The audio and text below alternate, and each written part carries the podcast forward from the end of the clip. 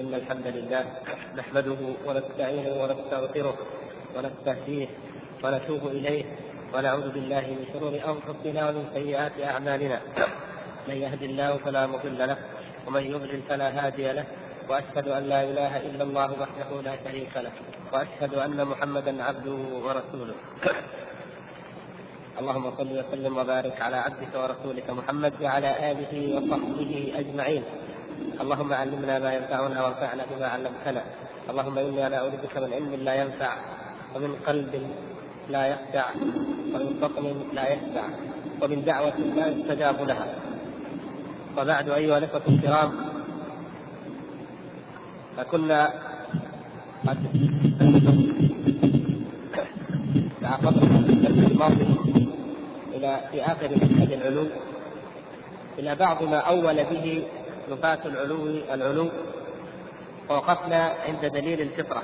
كذا يا محمد تفضل نقرأ الآن إن شاء الله.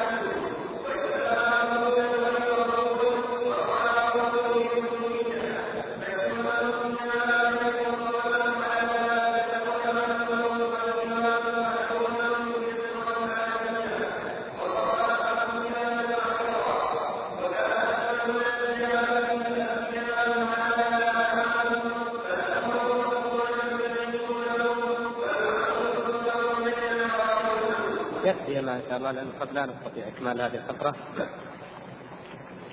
أنا أقول الشيخ رحمه الله تعالى الشارح تعرض هنا للأدلة التي يستدل بها أهل السنة ومنها دليل الكتاب والسنة ودليل الإجماع ودليل الفطرة وهنا يتعرض إلى دليل العقل مع دليل الفطرة.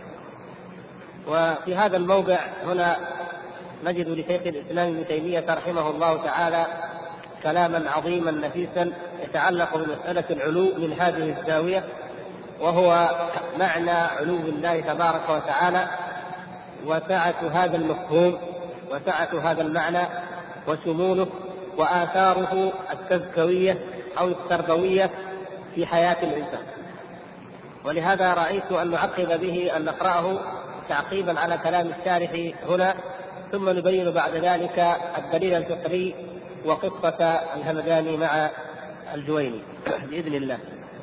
يقول رحمه الله في تفسير سورة الأعلى في تفسير قول الله تعالى سبح اسم ربك الأعلى في الجزء السادس عشر من الفتاوى مجموع الفتاوى صفحة 110 يقول في أول الكلام عن الأدلة أو هذا كلام مجمل عن الأدلة ثم نأخذ معنى اسمه الأعلى. يقول والنفاة للعلو ونحوه من الصفات معترفون بأنه ليس مستندهم خبر الأنبياء لا الكتاب ولا السنة ولا أقوال السلف ولا مستندهم فطرة العقل وضرورته ولكن يقولون معنا النظر العقلي. وهذا يذكرنا بآخر ما قرأه الشيخ الآن. يعني أن الذين ينكرون علو الله سبحانه وتعالى متفقون معنا على أنه لا دليل لهم من ولا من السنة ولا من كلام السلف أو إجماعهم. وإنما يقولون دليلنا النظر العقلي. وهذا هو محل النزاع فإذا هم يقولون لا لا يوجد لدينا. هم بأنفسهم. ونلاحظ ذلك ونجده في أعظم كتبهم التي أنكرت التي آه، كتبت في إنكار الصفات. ومن أشهرها أو أعظمها كتاب أساس التقدير للرازي فإنه لا يذكر في هذا الموضع كما لا يذكر في كثير من المواضع أي دليل من كتاب الله أو سنة رسول الله صلى الله عليه وسلم على إنكار العلو. وإلا هل يمكن لأحد أن يقول إن في كتاب الله ما يدل على أن الله لا داخل العالم ولا خارجه ولا فوقه ولا تحته ولا يمينه ولا يمينه ما يمكن ولم يجد. في السنة لم يجد. في كلام السلف قطعا هذا غير موجود. إذا يقولون معنا النظر العقلي والحقيقة أن معهم كلام فلاسفة اليونان أو بعض بعض فلاسفة اليونان. معهم بعض فلاسفة اليونان وأشباههم. فيقولون وأما أهل السنة المثبتون للعلو فيقولون إن ذلك ثابت بالكتاب والسنة والإجماع مع فطرة الله التي فطر العباد عليها وضرورة العقل. ومع نظر العقل واستدلاله يعني الفطرة التي هي بديهيه لا تحتاج إلى استدلال. أيضا العقل ببداهته من غير نظر ولا استدلال والعقل بالنظر. يعني إن أخذنا الجانب العقلي من غير نظر فالعقل يثبت علو الله تبارك وتعالى من غير نظر ولا تأمل. وإن جئنا إلى البحث المتأمل بالأدلة التفصيلية نجد أيضا أن العقول السليمة تثبت علو الله تبارك وتعالى. ثم ينتقل إلى يعقد فصلا في مسألة اسم الله الأعلى فيقول الأعلى على وزن أفعل أفعل التفضيل على وزن أفعل التفضيل مثل الأكرم والأكبر والأجل ولهذا قال النبي صلى الله عليه وسلم لما قال أبو سفيان أعلو هبل أعلو هبل وذلك في يوم إيش؟ يوم أحد نعم فقال صلى الله عليه وسلم ألا تجيبونه؟ قالوا وما نقول؟ قال قولوا الله أعلى وأجل. الله أعلى وأجل. وهو مذكور بأداة التعريف الأعلى. فين؟ يعني في الآية في الآية في السورة. سبح اسم ربك الأعلى. مثل وربك الأكرم. بخلاف ما إذا قيل الله أكبر فإنه منكر. يعني الله أكبر يعني أكبر منكر. اللفظ منكر هنا. لكن يعرف بالألف واللام فيقال الأكبر. جاء المعرف الأعلى. سبح اسم ربك الأعلى. فعرف يقول ولهذا معنى يخصه يتميز به. ولهذا معنى يخصه يتميز به. يعني للعلو معنى وللكبرياء معنى. لكونه تعالى أعلى معنى ولكونه تعالى أكبر معنى. وإن كانا يشتركان في بعض المعنى. يقول كما بين العلو والكبرياء والعظمة. عندنا علو كبرياء عظمة. بينهما أمور مشتركة. فإن هذه الصفات وإن كانت متقاربة بل متلازمة فبينها فروق لطيفة. بينها فروق في المعنى ولهذا قال النبي صلى الله عليه وسلم فيما يرويه عن ربه تعالى العظمة إزاري والكبرياء ردائي فمن نازعني واحدا منهما عذبته. قال فجعل الكبرياء بمنزلة الرداء وهو أعلى من الإزار. ولهذا كان شعائر الصلاة والأذان والأعياد والأماكن العالية هو التكبير وهو أحد الكلمات التي هي أفضل الكلام بعد القرآن. وهي ماذا؟ ما هي الكلمات التي هي أفضل الكلام بعد القرآن وهي من القرآن؟ نعم. سبحان الله والحمد لله ولا إله إلا الله والله أكبر. كما ثبت ذلك في الحديث الصحيح عن رسول الله صلى الله عليه وسلم. ولم يجئ في شيء من الآثار بدل قول الله أكبر الله أعظم. يعني ينتقل من الفروق الدقيقة أن ما يقوله بعض الفقهاء كبعض الحنفية مثلا أنه يجوز للإنسان أن يقول بدل الله أكبر في الصلاة الله أعظم يقول هذا لا يصح لم يرد ذلك ولم يجد في شيء من الأثر. وهذا له معنى وهذا له معنى. ومن المعاني في هذا أن التكبير مختص بحال الارتفاع التكبير من الأذكار المخصوصة بحال الارتفاع. أما التسبيح فهو من المختص بحال الانخفاض. كما في السنن عن جابر بن عبد الله قال كنا مع رسول الله صلى الله عليه وسلم إذا علونا كبرنا وإذا هبطنا سبحنا. فوضعت الصلاة على ذلك. إذا كان الإنسان في حالة السجود فإنه يقول سبحان ربي الأعلى. فهنا يسبح. يسبح الله سبحانه وتعالى وهو في حالة الانخفاض. ويكبر الله تعالى في أي حالة أخرى كما إذا على شرفا. كما إذا كنت في الطريق. إذا علوت فإنك تكبر الله. في أي مقام مقام مقامات العلو والارتفاع كما ذكر الشيخ في شعائر الصلاة الأذان في العيدين في أمثال ذلك فإن النداء أو تعظيم الله تعالى في هذا وذكره يكون بماذا؟ بالتكبير. لكن الإنسان في حال ركوعه وسجوده يكون الذكر هنا بماذا؟ بالتسبيح. العبد في حال الانخفاض يسبح ويقول سبحان ربي الأعلى. في الركوع سبحان ربي العظيم. وفي السجود سبحان ربي الأعلى. والعلو فوق التعظيم. لكن الإنسان يكون في حال السجود أخفض منه في حال الركوع. فهنا حكم ومناسبة لطيفة. لكن لا نقيل في هذا هو ذكر معاني بعد ذلك و استطراد لكن ننتقل إلى قوله رحمه الله والمقصود هنا أن التسبيح قد خص به حال الانخفاض كما خص حال الارتفاع بالتكبير. فذكر العبد في حال انخفاضه وذله ما يتصف به الرب مقابل ذلك. فيقول في السجود سبحان ربي الأعلى وفي الركوع سبحان ربي العظيم. ثم ينتقل إلى بيان معاني العلو. فيقول والأعلى يجمع معاني العلو جميعها. الأعلى يجمع معاني العلو جميعها. وأنه الأعلى بجميع معاني العلو. وقد اتفق الناس على أنه علي على كل شيء بمعنى أنه قاهر له قادر عليه متصرف فيه. يعني أهل السنة وأهل البدعة. متفقون على أن الله سبحانه وتعالى عالم أو أنه العلي على كل شيء بمعنى إيه؟ قاهر أو بمعنى أنه قادر بمعنى أنه متصرف هذا باتفاق. هذا المقصود بقول اتفاق الناس. كل الفرق متفقه على ذلك. لكن وقع الخلاف في علو إيه؟ علو الذات. الذي تحدثنا عنه في الدرس الماضي. علو الذات. يقول كما قال اذا لذهب كل إله بما خلق ولعلى بعضهم على بعض. وعلى أنه عال عن كل عيب ونقص فهو عال عن ذلك منزه عنه كما قال تعالى ولا تجعل مع الله إلها آخر فتلقى في جهنم ملوما مدحورا إلى أن يقول قل لو كان معه آلهة كما يقولون إذا لابتغوا إلى ذي العرش سبيلا سبحانه وتعالى عما يقولون علوا كبيرا. فقرن تعاليه عن ذلك بالتسبيح. يعني هنا نجد أن من أسماء الله تبارك وتعالى المتعالي المتعالي. فنجد أن الكبير والعظيم والعلي والمتعالي أيضا. هذه كلها من أسماء الله سبحانه وتعالى. وكل منها له معنى يخصه مع اشتراك الكل في أصل المعنى. ثم يذكر أيضا دليل آخر وقوله تعالى ما اتخذ الله من ولد وما كان معه من إله اذا لذهب كل إله بما خلق ولعلى بعضهم على بعض. سبحان الله عما يصفون عالم الغيب والشهادة.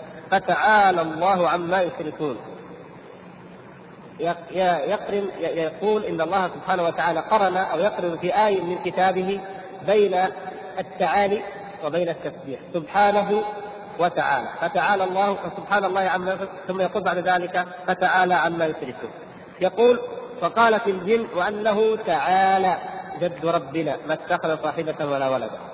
ومن السنة لدعاء الاستفتاح ما نقوله جميعا سبحانك اللهم وبحمدك وتبارك اسمك وتعالى جدك. اذا التعالي هذا جاء في القرآن وجاء في السنة مقرونا بماذا؟ بالتسبيح. سبحانه وتعالى. نقول سبحانك ثم نقول وتعالى جدك. فقد بين يقول رحمه الله فقد بين سبحانه أنه تعالى كما يقول تعالى عما يقول المبطلون وعما يشركون فهو متعال عن الشركاء والأولاد كما أنه مسبح عن ذلك. مسبح يعني منزه منزه ومقدس لأن سبح معناها تنزه وتقدس فهو تعالى منزه ومقدس عن هذه كما أنه متعال عنها وهي إثبات الشريك أو السمي أو الند أو المثل أو النظير. ثم ينتقل إلى معنى آخر ذكره المتكلمون أيضا وغيرهم قال وقد ذكروا من معاني العلو والفضيلة كما يقال الذهب أعلى من الفضة. مثل ما في الدرس الماضي قالوا إيه؟ الدرهم فوق الدينار فوق الدرهم أحسن. ونفى المثل آه ونفي المثل عنه يقتضي أنه أعلى من كل شيء. نفي المثل عنه ليس كمثله شيء. يقتضي أنه أعلى من كل شيء فلا شيء مثله. وهو يتضمن أنه أفضل وخير من كل شيء كما أنه أكبر من كل شيء. الله سبحانه وتعالى خير من كل شيء وأكبر من كل شيء وأعظم من كل شيء. لكن كما قلنا في الدرس الماضي هذه الخيرية أو المقارنة لا تذكر إلا في باب المناظرة والجدال والرد مع الذين يسوون بالله تبارك وتعالى غيره. كما في قوله تعالى قل الحمد لله وسلام على عباده الذين اصطفى. آه الله خير أما يشركون. هنا يأتي المقارنة. في باب المقارنة من الخير؟ من الذي خير؟ هذا الرب سبحانه وتعالى أما يشركون ما يعملون. أفمن يهدي إلى الحق يحق أن يتبع أما لا يهدي إلا أن يهدى. وأيضا في قول السحرة والله خير وأبقى. إلى آخره. ومن دلالة ذلك ومن معانيه مما يستلزم ذلك ويقتضيه أنه سبحانه وتعالى أعلى من كل شيء وفوق كل شيء أنه وحده المألوف المستحق للعبادة. ولهذا يقول رحمه الله فهو سبحانه يبين أنه هو المستحق للعبادة دون ما يعبد يعبد من دونه وأنه لا مثل له ويبين ما اختص به من صفات الكمال وانتفائها عما يعبد من دونه ويبين أنه يتعالى عما يشركون وعما يقولون من إثبات الأولاد والشركاء وقال قل لو كان معه آلهة كما يقولون إذا لابتغوا إلى ذي العرش سبيلا سبحانه وتعالى عما يقولون علوا كبيرا. هذه الآية من الآيات التي تبين معنى التوحيد وحقيقة التوحيد. قل لو كان معه آلهة كما يقولون. إذا لابتغوا إلى ذي العرش سبيلا. ما معنى هذه الآية؟ ما معنى لو أن مع الله تبارك وتعالى آلهة؟ لابتغوا طبعا المقصود الآلهة. لابتغى أولئك لابتغت الآلهة إلى ذي العرش سبيلا. فسرت الآية على معنيين. المعنى الأول لابتغوا سبيلا إلى التقرب إليه كيف؟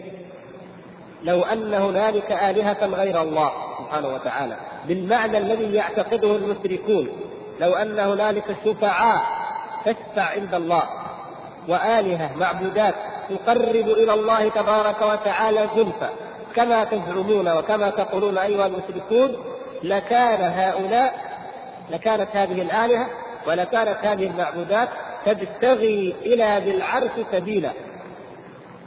أنبياء ملائكة عباد صالحون. تزعمون أنتم أنهم يشفعون لكم عند الله. تقدسونهم تعظمونهم تدعونهم تستغيثون بهم بأي دعوة وبأي زعم. بدعوى أنهم يشفعون عند الله. فلو كان الأمر كذلك لو فرض أن ذلك حق وأن هؤلاء موجودون لكانوا هم يبتغون إلى ذي العرش سبيلا ما معنى إذا ابتغاء السبيل هنا؟ كيف يبتغون إليه سبيلا الملائكة الأنبياء الصالحون كيف يبتغون إلى الله تعالى السبيل؟ بأي شيء؟ هم كيف يبتغون إلى الله؟ هم. بالعبادة نعم. يعني هؤلاء الملائكة والأنبياء يعبدون الله.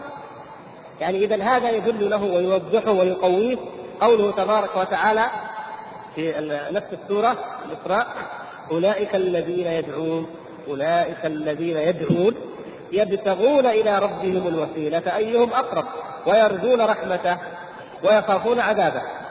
المدعوون المعبودون من دون الله كما فسرها الصحابة رضوان الله تعالى عليهم ابن مسعود وغيره. نفس هؤلاء المعبودون المدعوون هؤلاء أنفسهم هم يبتغون إلى ربهم الوسيلة. تعبدون عيسى ابن مريم؟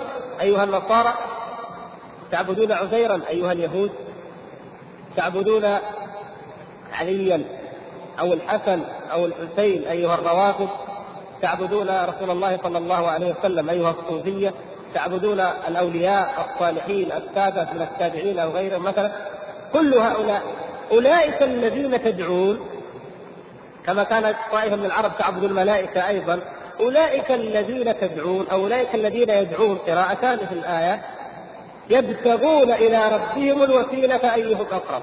هم أنفسهم يبتغون إلى الله الوسيلة. هم أنفسهم يتضرعون إلى الله. هم أنفسهم يتذللون لله. يسارعون في الخيرات إنهم كانوا يسارعون في الخيرات ويدعوننا رغبا ورهبا وكانوا لنا خاشعين هكذا وصف الله تبارك وتعالى الأنبياء. فهؤلاء المعبودون هذا حالهم. فكيف تعبدونهم أنتم من دون الله؟ فإذا لو فرض وجود شفعاء لو فرض وجود شفعاء مع الله وسطاء يقربون إلى الله لكان هؤلاء يبتغون إلى الله الوسيلة. إذا لابتغوا إلى ذي العرش سبيلا. لكانوا هم أنفسهم يعبدون الله. اذا لا حجة على الإطلاق لمن يعبد غير الله أو يدعو غير الله وإن كان مقربا من الله. لأنه هو يعبد الله ويتقرب إليه كما أنك أنت الفقير تعبد الله وتتقرب إليه. فكونه أقرب منك لا يعني أنك لا تتقرب إلى الله بل تتقرب إليه. هذا من الضلال. إذا الشاهد هنا أن هناك آه، آلهة كثيرة. ذو العرش من هو؟ منهم الله العلي سبحانه وتعالى. العلي الأعلى ذو العرش هو الله سبحانه وتعالى. وما عداه فأسماء سموها هم لا حقيقة لها ولا تملك شيئا لا تملك خلقا ولا بعثا ولا حياة ولا نشورا ولا رزقا لا لأنفسها ولا لمن يعبدها من دون الله سبحانه وتعالى. هذا المعنى الأول نعم. أيوة التفسير الثاني ورد عن بعض السلف وهو لابتغوا إلى ذي العرش سبيلا أي إلى مغالبته.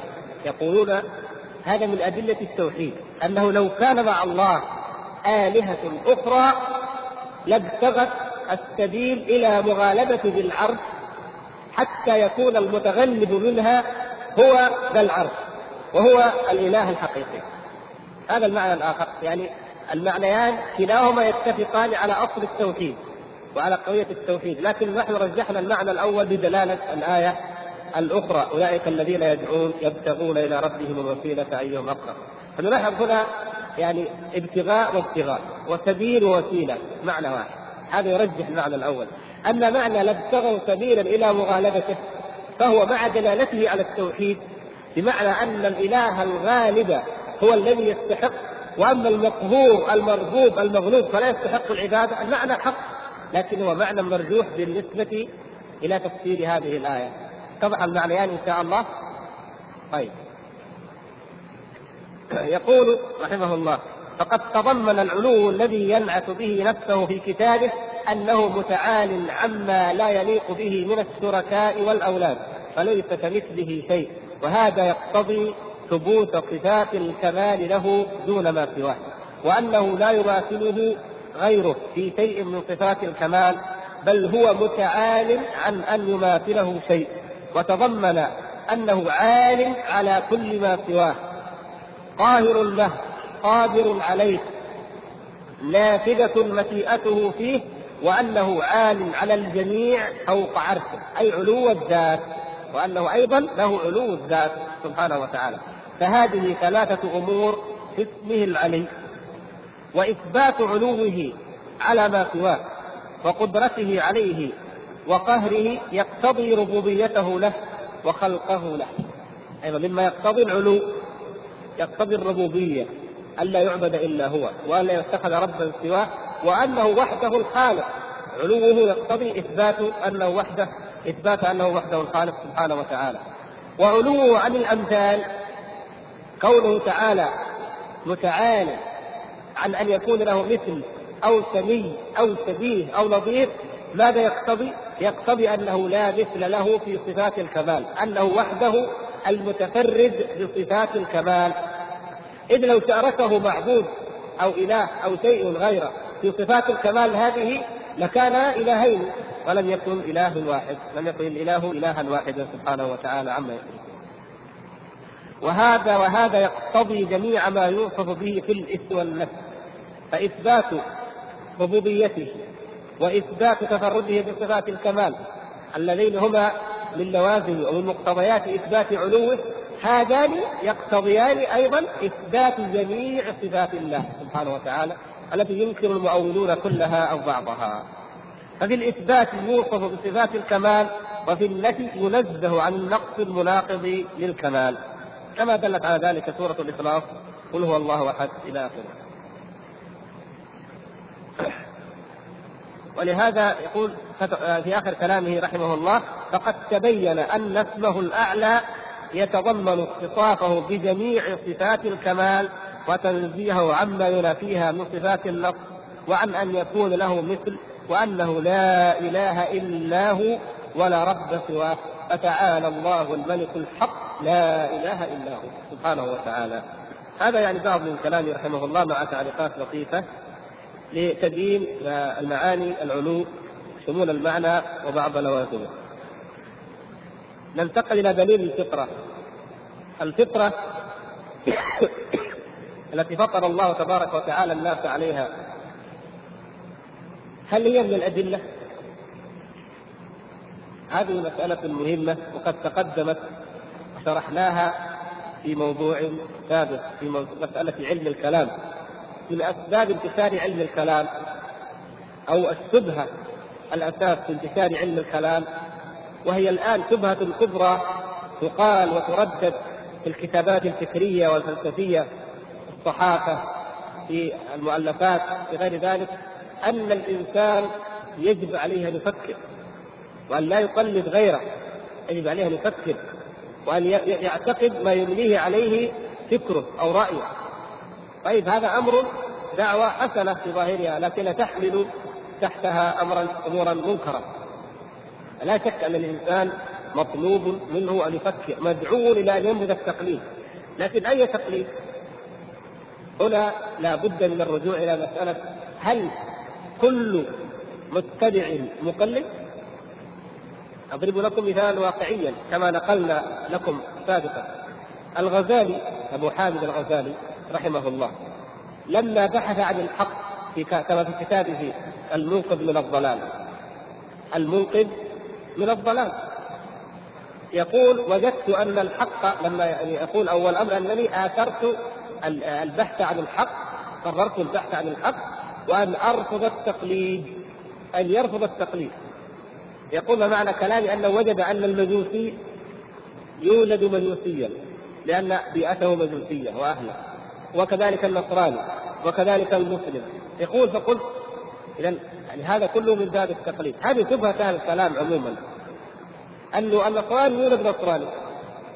في بيئة نصرانية يطلع نصراني. وإن ولد في بيئة مسلمة يصبح مسلما. اذا الكل مقلدون. فإذا لابد الإنسان يفكر ويختار الدين الصحيح. هذه قضية خطيرة. يعني تجعل الإسلام بمنزلة أي دين من الأديان المحرفة الباطلة التي لا سند لها من وحي ولا فطرة وإنما مجرد رأي مجرد وضع بشري اتفق عليه طائفة من الناس. هنا الخطر ولهذا الغزالي حصر الحق في اصناف أربعة. لم يذكر منهم أهل السنة أو يذكر السلف الصالح رضي الله تعالى عنهم المتكلمين أو الصوفية أو الفلاسفة أو أو الباطنية. وأين الصحابة والتابعون؟ وأين الأنبياء والرسل؟ وأين الجيل الأول؟ ما أدخلهم في في الأصناف أهل الحق وهنا يأتي الخلل عندما يخرج الحق المتميز ويقال كل أصحاب دين من الأديان يولدون كما يولد عليه أهل الدين الآخر. يعني مثل ما قرأنا قبل فترة الدكتور الذي يدعى عبد الله العمر الذي كتب في إحدى الجرائد الكويتية تلك المقالات الكفرية قال بعض منها هنا يقول يعني نحن ما في داعي لما تكلم عن أحمد ديدات تذكرون يقول ما في داعي لمناظرات أحمد ديدات لأن كل إنسان يرى أن دينه هو الحق ولا يجوز لنا نحن المسلمين أن نعتقد أننا وحدنا على الحق. والعياذ بالله. هذا كفر صريح لا شك. اذا هؤلاء يجعلون دين الله تعالى الذي ارتضاه لرسله. وحفظه انا نحن نزلنا الذكر وأنا له لحافظون. وجعله فطريا في القلوب. كل مولود يولد على الفطرة على الملة جعلوه بمنزله ما حرفه بول من دين النصارى وما حرفه المجوس وما حرفه اليهود الذين كانوا يكتبون الكتاب بأيديهم ويقولون هو من عند الله. هذا هذا كفر صريح. اذا هذا الدين قوة الفطرة هذه خاصة بدين الإسلام لأن كل مولود يولد على الفطرة. خلقت عبادي وإني خلقت عبادي إيه؟ حنفاء. حنفاء. فأتتهم الشياطين فاجتالتهم عن دينه فالله تبارك وتعالى خلق الإنسان الأول آدم عليه السلام مسلما حنيفا نبيا مكلما. وبقيت الأمة على دينه على التوحيد عشرة قرون عشرة أجيال على التوحيد حتى ظهر الشرك في قوم نعم في قوم نوح. فعبدوا ودا وسواع ويغوث ويعوق ونسرا فانحرفوا. إذا الإنسانية من حيث الأصل العام الإنسان الأول على التوحيد. والقرون الأولى كانت على ماذا؟ على التوحيد. هذا بالنسبة لمجموع الإنسانية. طيب الفرد في ذاته كل مولود يولد على الفطرة على الإسلام على الملة. ولهذا قال فأبواه يهودانه أو ينصرانه أو يمجسانه هل قال أو يسلمانه؟ أبدا لأنه هو مسلم ولهذا كما أيضا تقدم في إثبات الإسلام في بعض خصائصه نقول إنما يقول المتكلمون من أن المسلم إذا حال بلوغه يلزم بأن يقول أشهد أن لا إله إلا الله وأن يتشهد ليدخل في الإسلام هذا لغو باطل في دليل على هذا الكلام لغو لماذا؟ لأنه ولد مسلما ولد مسلما وبقي على إسلامه ما تغير حتى نقول له قل أشهد أن لا إله إلا الله وابدأ بالإسلام وجدد إيمانك. هذه كلها من افتراضات أولئك الذين يهربون من موضوع التقليد.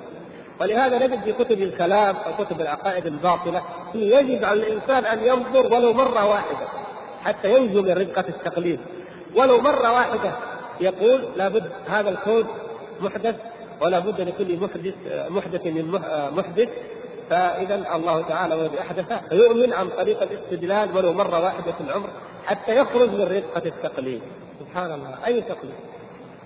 الذي يتبع النبي صلى الله عليه وسلم. هل يسمى مقلد هذا المعنى؟ من معنى التقليد؟ ابدا. هذا متبع للحق. وهو موافق للفطرة التي فطر الله الناس عليها، فطرة الله التي فطر الناس عليها لا تبديل لخلق الله. مستحيل أن يبدل هذا ابدا. الله تعالى هو الذي خلقها هكذا، فأينما ولد الطفل في الصين في بريطانيا في أمريكا في بلاد الإسلام فإنه يولد على هذه الملة. وإذا قرأتم كتاب لماذا أسلمنا واشباه من الكتب تجدون هذه المعاني والحمد لله. منهم بقل نفسه. منذ أن ولدت وأنا لا أعترف ولم يدخل عقلي ابدا الإيمان بالنصرانيه بالتثليث ولم اشرب الخمر ولم ازني ولم أفعل. وبقي حائرا حتى هداه الله للإسلام. فعرف أن هذا هو دين الفطرة. والكلام في هذا يقول والمقصود هنا أن نبين أن الفطرة دليل من جهة أن الله سبحانه وتعالى جعلها هكذا. خلق الناس عليها وفطرهم عليها. كيف تعبر الفطرة عن نفسها؟ هنا يأتي الخلاف بينه وبين المتكلمين وأشباههم لأنهم يرون أنها لا تنضبط. لا شك أن الفطرة ليست ذلك الدليل الذي ينضبط كأي دليل عقلي أو دليل نصي لكن لها أيضا مجالات تظهر فيها. يعني يمكن نحن نختصر الموضوع بهذه القضية. يعني هناك مجالات تظهر فيها الفطرة وتعبر الفطرة عن نفسها أجلى تعبير دون حاجة إلى أي دليل أو استدلال آخر. ومن ذلك مسألة علو الله سبحانه وتعالى. فإن الفطر جميعا تقر بعلو الله دون حاجة إلى استدلال ودون حاجة إلى نظر. ففي قصة الهمدان هذه تعارض عندنا ما تقدم أن قلناه من عن المتكلمين من استدلالهم أو زعمهم أن معهم النظر العقلي مع دليل الفطرة مع استدلال الهمداني لماذا؟ بدليل الفطرة فهذا المتكلم في السنة استدل بدليل الفطرة ضد الذي تكلم بالنظر العقلي فيما يزعم فأيهما الذي غلب الآخر إذا رجعنا إلى كتاب العلو مختصر العلو الذي حققه اختصره وحققه الشيخ محمد ناصر الدين الألباني في ترجمة آه إمام الحرمين أبي المعالي الجويني آه هو ترجمته تبدأ من صفحة 274 نجد هذه القصة ونجد الحكم على سندها. في صفحة 276 من مختصر العلوم. يقول الإمام الذهبي رحمه الله قال أبو منصور بن الوليد الحافظ في رسالة له إلى الزنجاني أنبأنا عبد القادر الحافظ بحران أنبأنا الحافظ أبو العلاء أنبأنا أبو جعفر بن أبي علي الحافظ فقال سمعت أبا المعالي الجويني وقد سئل عن قوله الرحمن على العرش استوى. وكان على قصة قصة مشهورة ذكرها الحافظ الذهبي رحمه الله أيضا في سير أعلام النبلاء وذكرها الحافظ ابن تيمية شيخ الإسلام رحمه الله في أكثر من موضع من الفتاوى. وهناك نجد ما يبين أنه كان على المنبر. الإمام الحرمين الجويني رحمه الله كان على المنبر يتكلم وأخذ يعلم الناس الصفات وما يعتقدون في ذات الله سبحانه وتعالى. فسئل قيل له الرحمن على العرش استوى وأخذ يفسر ذلك فقال كان الله ولا عرش. وجعل يتخبط في الكلام. يعني من بقية كلامه ما يقوله المتكلمون يقولون كان الله ولا عرش. وهو الآن على ما عليه كان. يستدلون بذلك. بعضهم يقول إن هذا حديث. يجعلون هذا هذه الجملة حديثا عن رسول الله صلى الله عليه وسلم وهذا كذب. هذا موضوع لم يقله الرسول صلى الله عليه وسلم. أن الله وهو على ما عليه كان هذه لم يقولها النبي صلى الله عليه وسلم. كان الله ولا شيء قبله ولا شيء غيره هذا هذه نعم ثابتة وصحيحة وقد تحدثنا عنها فيما مضى. لكن وهو الآن على ما عليه كان هذه ليست من كلام النبي صلى الله عليه وسلم. لكن قال المتكلمون كان الله ولا عرش. وهو الآن على ما عليه كان. اذا يقولون فما في لا استواء ولا غير استواء طيب ننظر إلى هذا الكلام الذي تخبط فيه فعلا. الله سبحانه وتعالى كان ولا عرش. طيب. فلما خلق العرش استوى عليه. إيش الإشكال في هذا؟ ثم استوى على العرش. يعني الاستواء جاء بايه؟ بثم عقب الخلق خلق السماوات والأرض. طيب. كان الله كان كان المعنى هكذا. ثم لما خلق العرش استوى عليه. إيش اللي صار؟ طيب.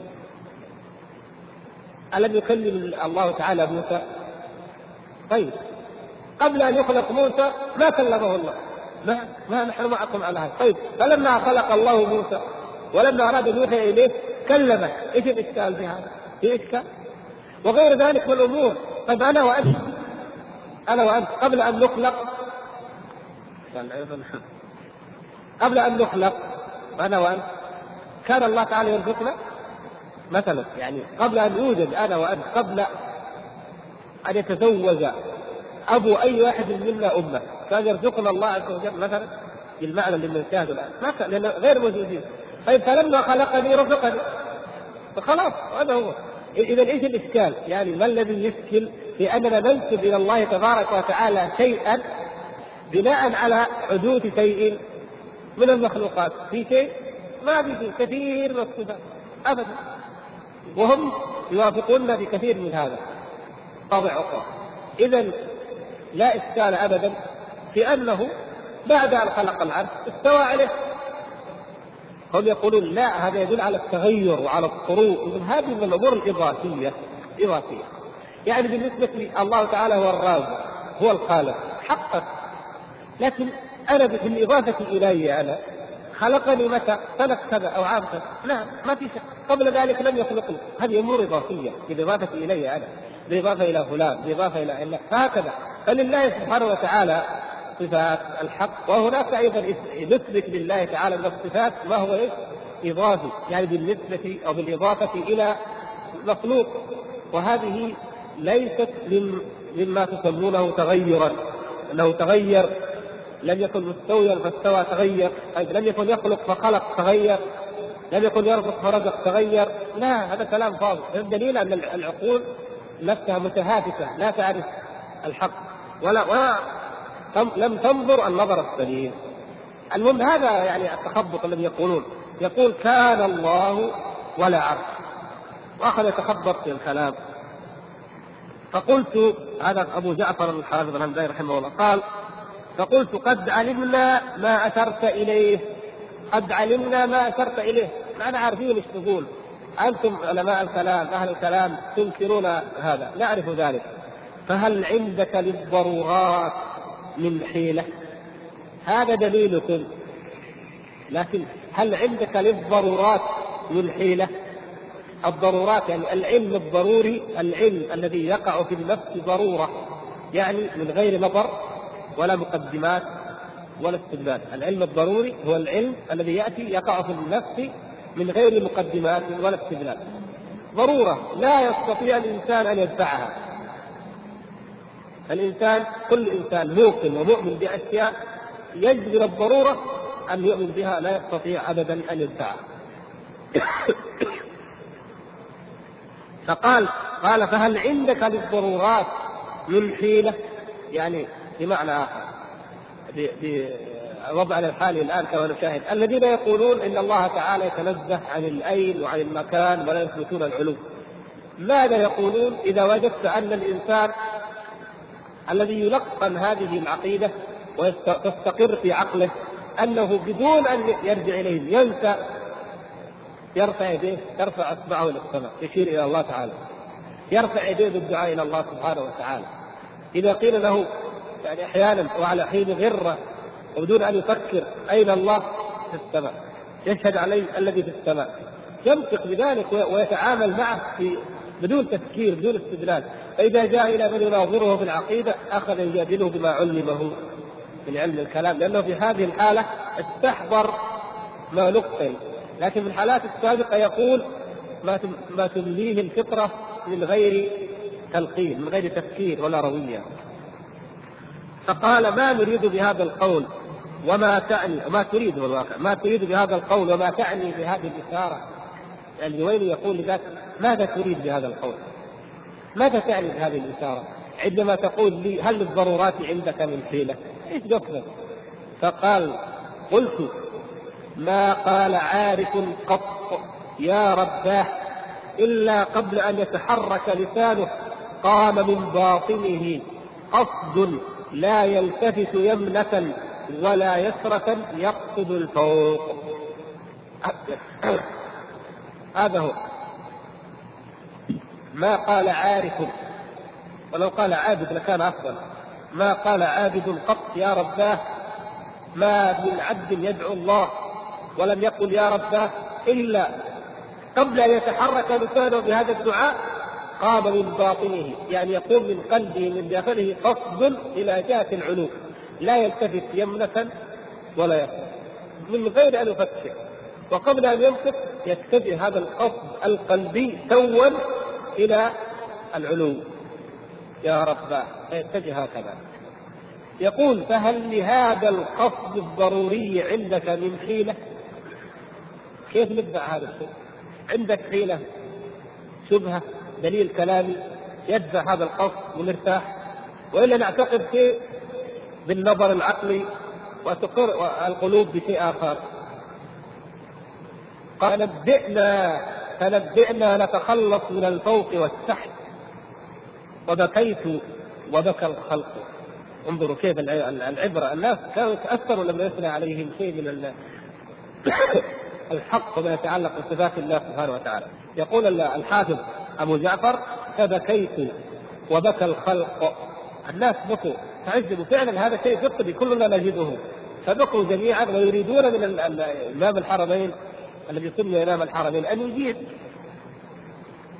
قال فضرب الأستاذ بكمه على السرير أخذ يضرب بكمه على الحيرة الحيرة والدهشة الدهشة. فسمعته بعد ذلك أصحابه يقولون سمعناه يقولون حيرني الهمداني حيرني. والله حيرة يعني يعني نزل لم يستطع أن يجيب. نزل ضرب بكمه وأثار الضجه في المسجد ونزل فوق المنبر واعترف بأن هذا الإمام الحافظ أبا جعفر الهمداني قد حيره أتى أن يجيب عليه وهو لا يمكن أن ندفع هذه الضرورة الفطرية في الالحاح والتوجه إلى الله سبحانه وتعالى. يقول الشيخ الألباني حفظه الله قلت وإسناد هذه القصة صحيح مسلسل بالحفاظ وأبو جعفر اسمه محمد ابن أبي علي الحسن بن محمد الهمداني مات سنة 531 وقد وصفه ابن تيمية في مجموعة الفتاوى أربعة الجزء الرابع صفحة 44 بالشيخ العارف. ثم يقول الشيخ ويبدو لي أن هذه الحيرة كانت قبل استقرار عقيدة أبي المعالي الجويني على المذهب السلفي طبعا في آخر أمره رجع رجع إلى ما يشبه مذهب السلف في الجملة وإلا فهو أقرب إلى التفويض. يقول يعني في الرسالة النظامية يقول بل لعلها كانت المنطلق إلى هذا الاستقرار الذي أبان عنه فيما سبق من كلامه في الرسالة النظامية التي ذكر الشيخ الذهبي رحمه الله ذكر أولها في أول كلامه. وهو كلام جيد نقرأه عليكم بعضه يعني إمام الحرمين بعد أن نزل من المنبر واعترف بالحيرة أخذ يفكر ثم بعد ذلك في آخر أيامه ألف الرسالة النظامية رجع فيها عن التأويلات الأشعرية. رجع عن كل التأويلات الأشعرية. وأول هذه الرسالة النظامية يقول أو في أولها اختلف مسالك العلماء في هذه الظواهر يعني في الآيات التي تكون ظواهر الآيات الكتاب فرأى بعضهم تأويلها. والتزم ذلك في آي الكتاب وما يصح من السنن. أهل التأويل. وذهب أئمة السلف إلى الانكفاف عن التأويل وإجراء الظواهر على مواردها وتفويض معانيها إلى الرب عز وجل. قال والذي نرتضيه رأيا وندين الله به عقيدة اتباع سلف الأمة. هكذا في آخر أمره رحمه الله وغفر له. هكذا الرجوع للحق. والذي نرتضيه رأيا وندين الله به عقيدة اتباع سلف الأمة والدليل القاطع السمعي في ذلك. ويا ليت كل أشعري في الدنيا يقول هذا يقول مثل هذا الكلام. وأن إجماع الأمة حجة متبعة. هذا حق إجماع الصحابة كانت حجة متبعة. فلو كان تأويل هذه الظواهر مسوغا أو محكوما كما يقول أهل التأويل لأوشك أن يكون اهتمامهم بها فوق اهتمامهم بفروع الشريعة. لو كان الاشتغال بتأويل الآيات والأحاديث جائزا أو حتما وهو من أمور العقيدة والتوحيد بلا ريب لكان اهتمام الصحابة والسلف الصالح به أعظم من اهتمامهم بفروع الشريعة في الصلاة والطهارة والزكاة والحج وغير ذلك. وإذا انصرم عصر الصحابة والتابعين على الإضراب عن التأويل كان ذلك هو الوجه المتبع. يقول ما دام إنه انصرم وانقضى عصر الصحابة والتابعين دون تأويل فهذا هو الذي يجب أن يتبع. فلنجري آية الاستواء أو فلتجري آية الاستواء وآية المجيء وقوله لما خلقت بيدي على ذلك. يعني فلتجري على ما قرره السلف الصالح من عدم التأويل. وهذا من الرجوع الحق. يقول آه، الشيخ الألباني بعد ذلك وما أشبه حاله بحال أبيه العلامة أبي محمد عبد الله بن يوسف الجويني. نفس الشيء. هذا أبو, أبو المعالي ابن أبي محمد الجويني. يقال لكل منهما الجويني. فقد كان برهة من الدهر متحيرا في هذه المسألة وهي مسألة الاستواء وسواها من مسائل الصفات بسبب تأثره بعلم الكلام الذي تلقاه عن شيوخه. ثم استقر أمره والحمد لله على العقيدة السلفية فيها كما شرح ذلك هو نفسه نفسه أحسن الشرح في رسالته القيمة في إثبات الاستواء والفوقية وهي مطبوعة في المجلد الأول من مجموعة الرسائل المنيرية. وهي مطبوعة باسم النصيحة في صفات الله عز وجل. رسالة صغيرة لطيفة جدا وقيمة. النصيحة في صفات الله عز وجل. وإني لاستغرب يقول الشيخ الألباني حفظه الله وإني لاستغرب كيف فات ذكر هذا الإمام الحافظ الذهبي. الحافظ الذهبي رحمه الله لم يذكر الإمام الجويني الأب أبو محمد الأب لم يذكر. في جملة هؤلاء الأعلام الذين قالوا بقول السلف في هذه المسألة الهامة ولكن جل من لا ينسى سبحانه. هذا إمام الحرمين أبو المعالي الزويني هو الذي يقول صاحب القصيدة التي يقول فيها نهاية إقدام العقول عقال وغاية آراء الرجال ضلال أو غاية سعي العالمين ضلال. هذا في شعر أنسب إليه. وأرواحنا في وحدة لجسومنا وغاية دنيانا أذى ووبال ولم نستفد من بحثنا طول عمرنا سوى أن جمعنا فيه قيل وقالوا. ثم قال قرأت خمسين ألفا في خمسين ألفا. انظروا يا أخوة انظروا واعتبروا. المسألة ما هي ثقافة؟ كما يقول الناس اليوم بعض الناس يقول لك اقروا اطلع خلي الشباب تقرأ كل شيء. خلي الناس تطلع ويقروا أي شيء. هي كذا بس؟ هي بالكثرة؟ يعني هذا مثل يقول لك في باب المحسوس. يقول خلي الناس تاكل كل شيء تاكل أي شيء. مو معقول كلام. هذا ما لا يقوله عاقل ولا يرضاه طبيب ولا عاقل. إنه الناس تاكل أي شيء. طيب ليش لماذا تقولون خلي الناس تقرا أي شيء؟ إذا قيل لهم هذا كتاب ما ينبغي أن يدخل البلاد أو لا ينبغي أن يقرأ أو هذه مجلة لا يجوز أن تقرأ أو يطلع عليها. يا أخي خلي الناس تقرا كل شيء تقرا أي شيء. سبحان الله. هل يمكن أن نترك الناس يأكلون أي شيء؟ يشربون أي شيء؟ معقول هذا؟ لابد ان هناك أشياء لا تؤكل ولا تشرب وأيضا لا تقرأ ولا يجوز أن ينظر إليها فيقول هذا الإمام قرأت خمسين ألفا في خمسين ألفا يعني من الكتب من المقالات من الصفحات الله أعلم يقول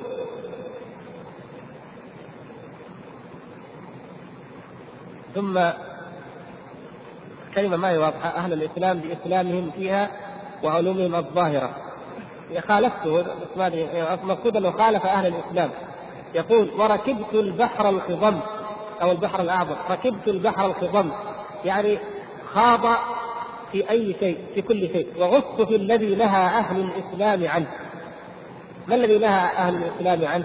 نهوا عن علم الكلام نهوا عن البحث في صفات الله. كل هذا خاض فيه. يعني هو يقول أنا ماذا لي في كلام الناس العلماء أهل الدين والإيمان الذين يقولون لا تقرأوا هذه الكتب اتركوا أهل الكلام وما جاءوا به يقول تركت هذا كله فخضت في البحر الخضب وركبته وغصت في الذي نهى عنه أهل الإسلام. كل ذلك في طلب الحق وفي أمر التقليد. لاحظتم كيف دليل الفطرة؟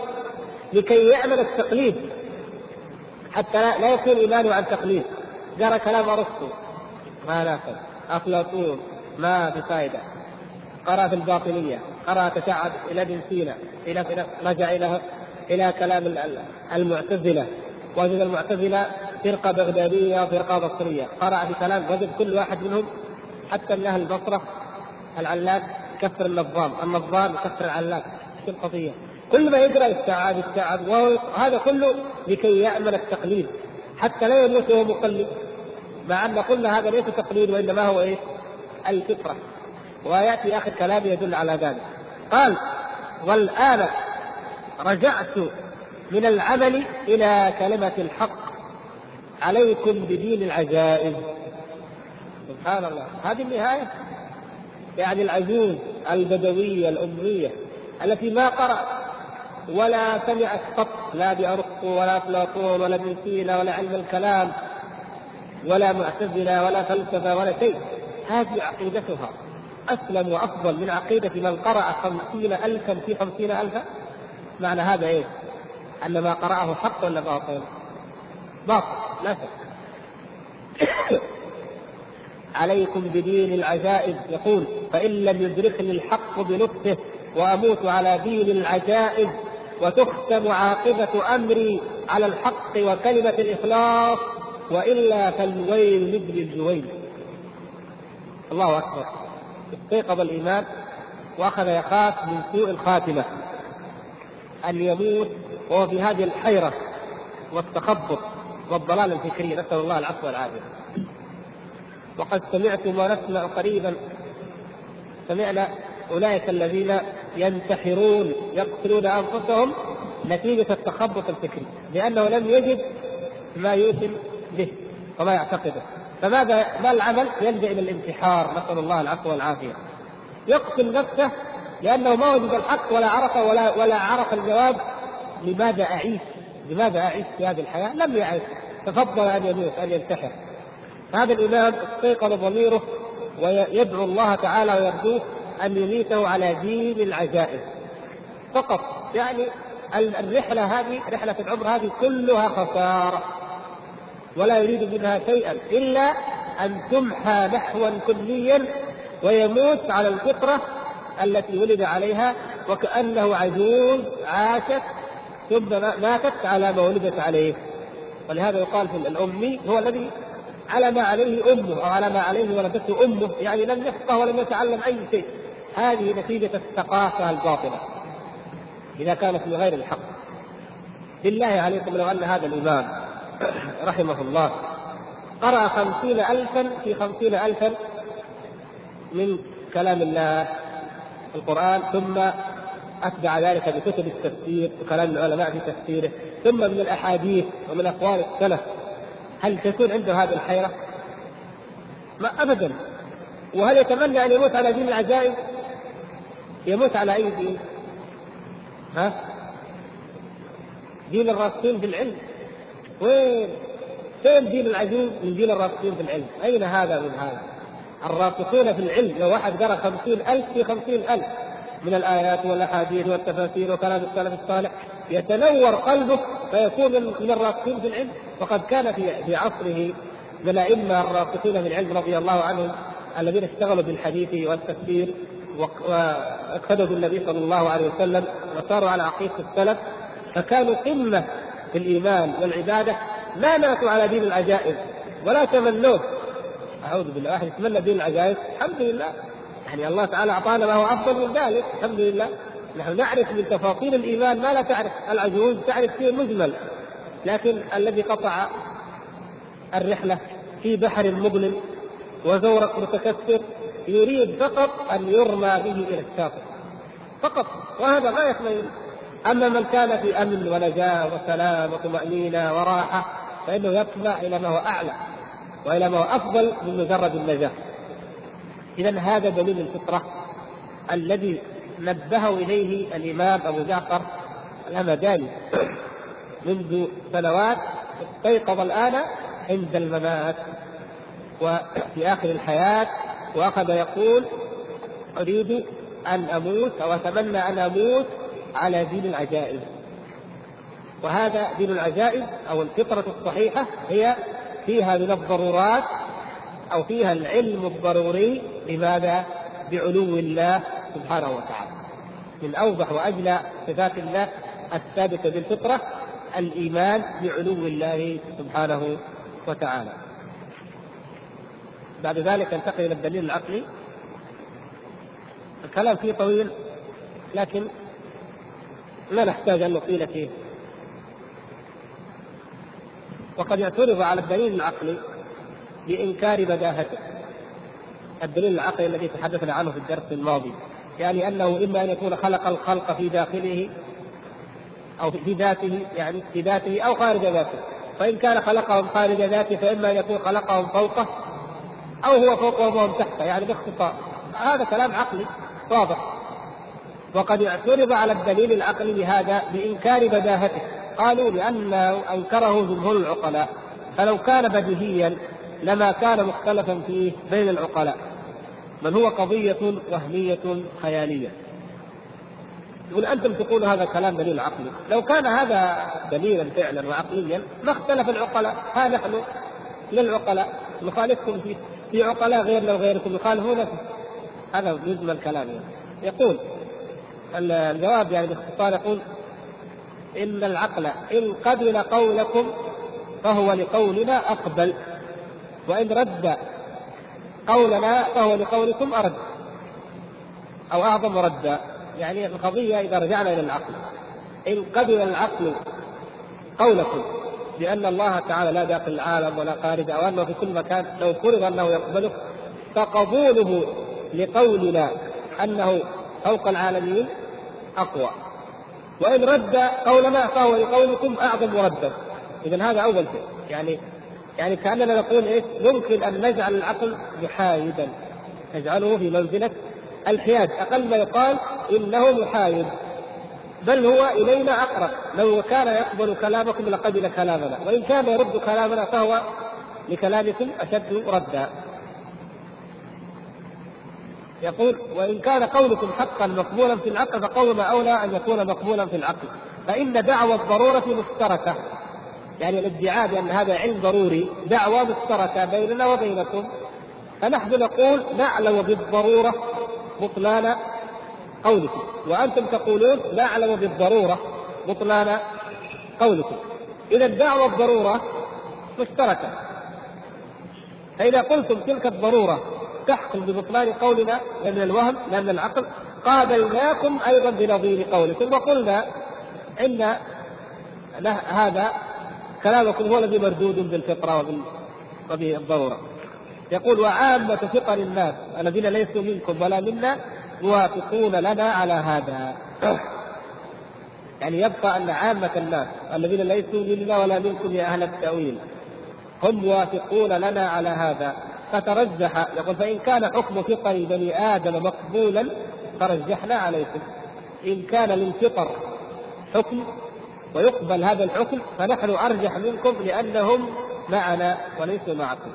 وإن كان مردودا غير مقبول بطل قولكم بالكلية.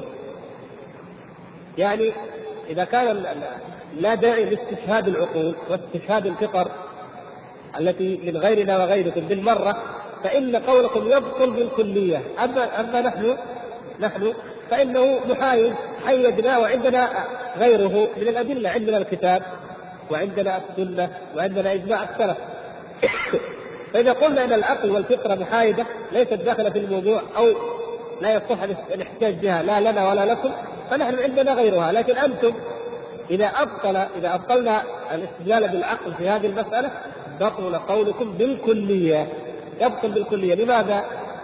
يقول فإنكم إنما بنيتم قولكم على ما تدعون أنه مقدمات معلومة بالفطرة الآدمية لأنه أصل كلامكم تقولون معنى بالأدلة إيش؟ النظر العقلي والآن تقولون لا عبرة للأنظار لأن النظر العقلي أصلا يبنى على أي شيء على مقدمات بديهية دائما يا إخوان وهذه يمكن بعضكم ما يفهمها لكن إن شاء الله بعضكم يفهمها. القضية المختلف فيها بينك وبين أي إنسان تناقشه بالعقل. كيف تبدأ تناقشه؟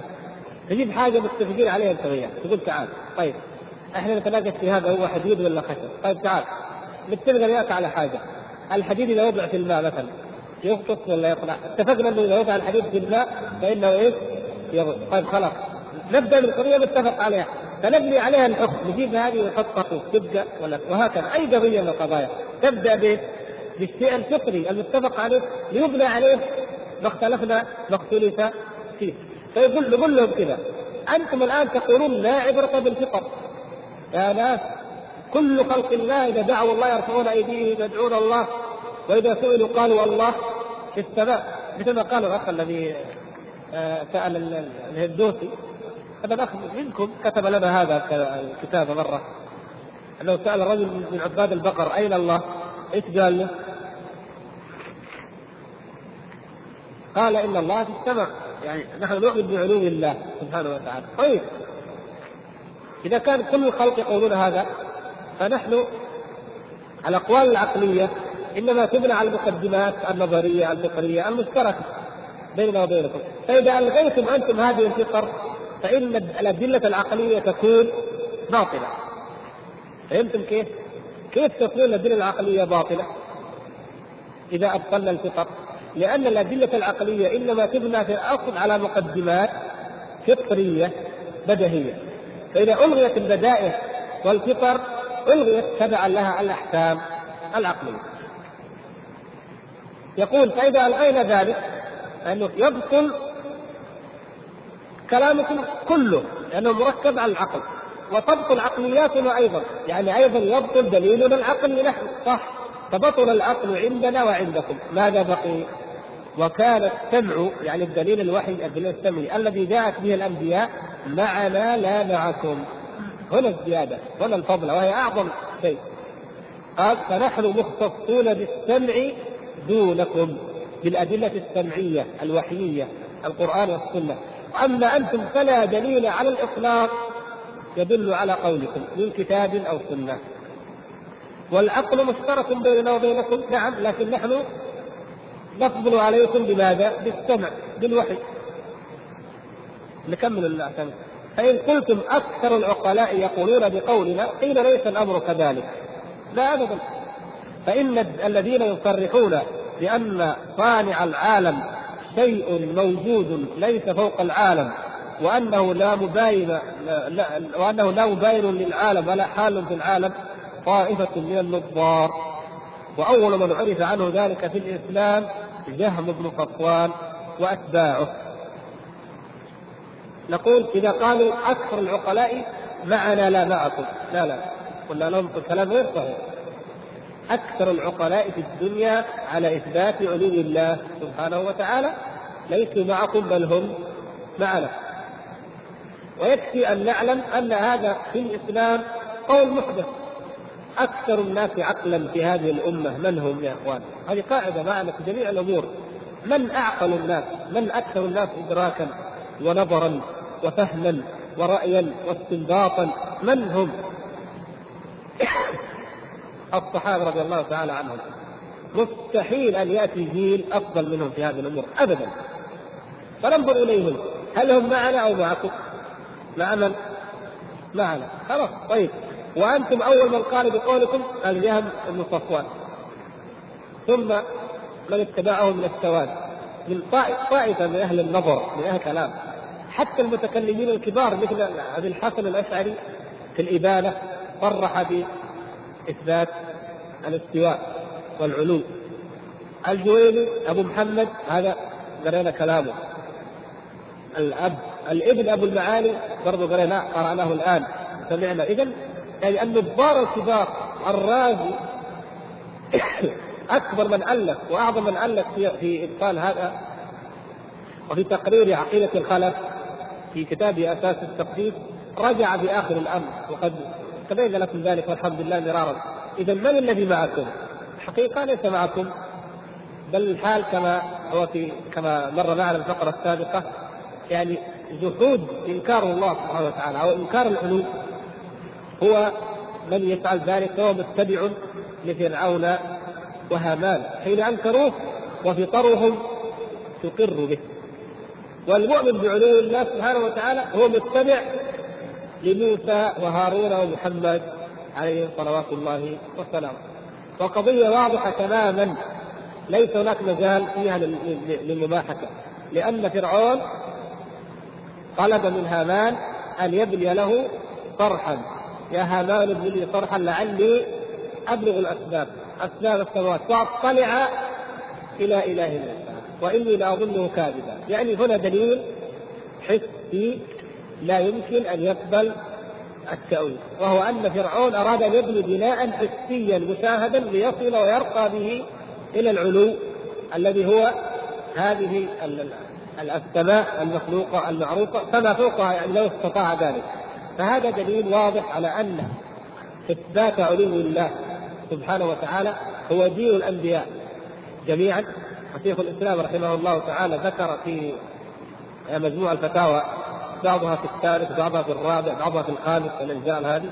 ذكر في مواضع منها بعض النصوص الواردة في الكتب السابقة مما يدل على علو الله سبحانه وتعالى وما يزال اليهود والنصارى يقرؤونه إلى اليوم. فقول المتكلمين أكثر العقلاء معنا لا معكم قول شاذ قول باطل نقول معكم ثواب الحكماء أو الفلاسفة. أما أهل الملل وأهل الأديان وأهل الفطر فهم معنا وليسوا معكم فبطل بذلك اعتراضهم على الدليل العقلي. هم يعترضون على الدليل العقلي بهذا فبطل بذلك اعتراضهم عليه وبقي اعتراضهم على الدليل الفطري وهو ما سوف نتحدث عنه إن شاء الله في الدرس القادم بحول الله تبارك وتعالى. وقوته نسأل الله سبحانه وتعالى أن ينفعنا